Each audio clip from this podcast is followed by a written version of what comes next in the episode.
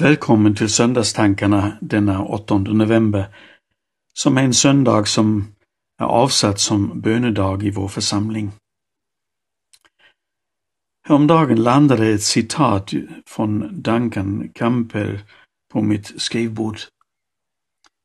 Guds rike växer inte genom att kyrkan blir fylld med människor, utan genom att människor i våra kyrkor blir fyllda med Guds ande.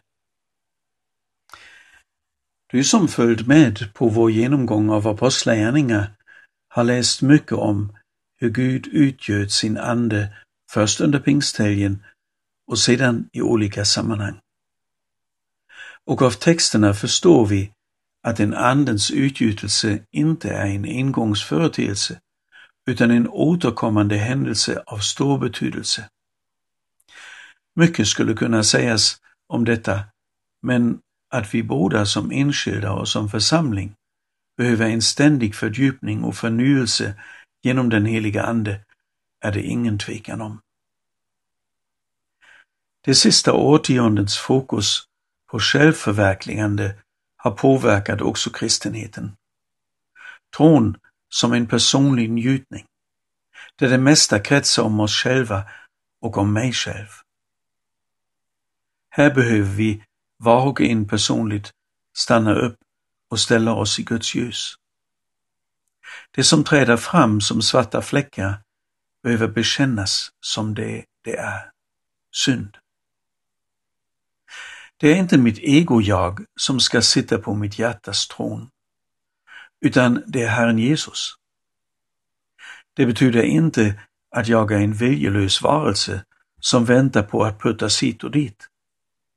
Men den bilden tydliggör Jesu ord om att följa honom utan förbehåll. Vi är kallade att prioritera hans målsättningar först av allt. Och det borde inte vara svårt. Speciellt inte när han lovat oss sin närvaro, sin vägledning, sin omsorg om allt det andra som behövs i livet. Alliansmissionens föreståndare Kjell Larsson uttryckte det nyligen ungefär så här. Gud följer oss, men framför allt följer vi honom. Och då vet vi att han går både före och bakom oss.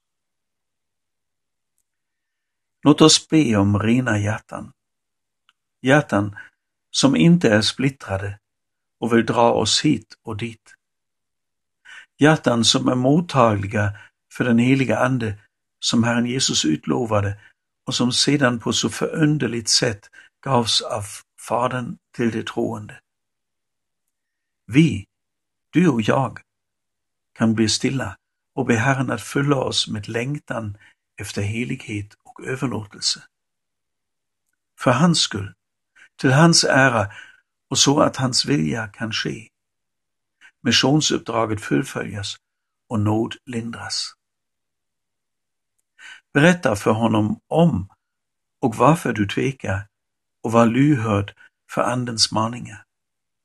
Ibland är vi själva i vägen för en djupare relation med vår Herre. Hur ser det ut med din vilja att förlåta lika mycket som du blivit förlåten? Det kan vara en riktigt svår fråga som till och med kan göra ont. Förlåtelsen kan vara svår, ibland som en process som kan vara flera år. Jesus tar förlåtelsen på högsta allvar och vill bistå oss också i detta. Hade han annars tagit in frågan om förlåtelsen i bönen Fader vår? Eller framställt den allvarliga liknelsen om förlåtelsens betydelse i Matteus 18, vers 21–35 till 35?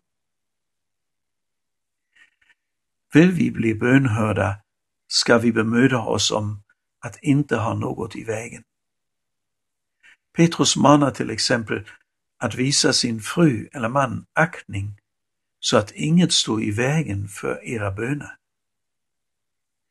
Relationerna med vår nästa, det är viktiga. Oavsett om det är familjemedlemmar, syskon i tron eller andra som vi möter i vår vardag. Jesus manar att lägga ner sina ärenden hos Gud och försona sig först med brodern eller systern som har något emot oss. Inte omvänt. Romarbrevet 12, vers 18 stryker tydligt under så här. Håll frid så långt det är möjligt och bero på er. Städa upp i våra hjärtan själva, det klarar vi inte. Men ge Herren tillträde till alla våra vrån och städa upp tillsammans med honom. Det är en underbar möjlighet. Och en fantastiskt fin väg att på nytt bli följd med Guds heliga Ande. För vår Herres skull och till hans ära. Med Paulus ord, låt Guds frid regera i ditt hjärta. Var tacksam och låt Kristi ord rikligt bo hos er. Önskar jag er alla en god vecka.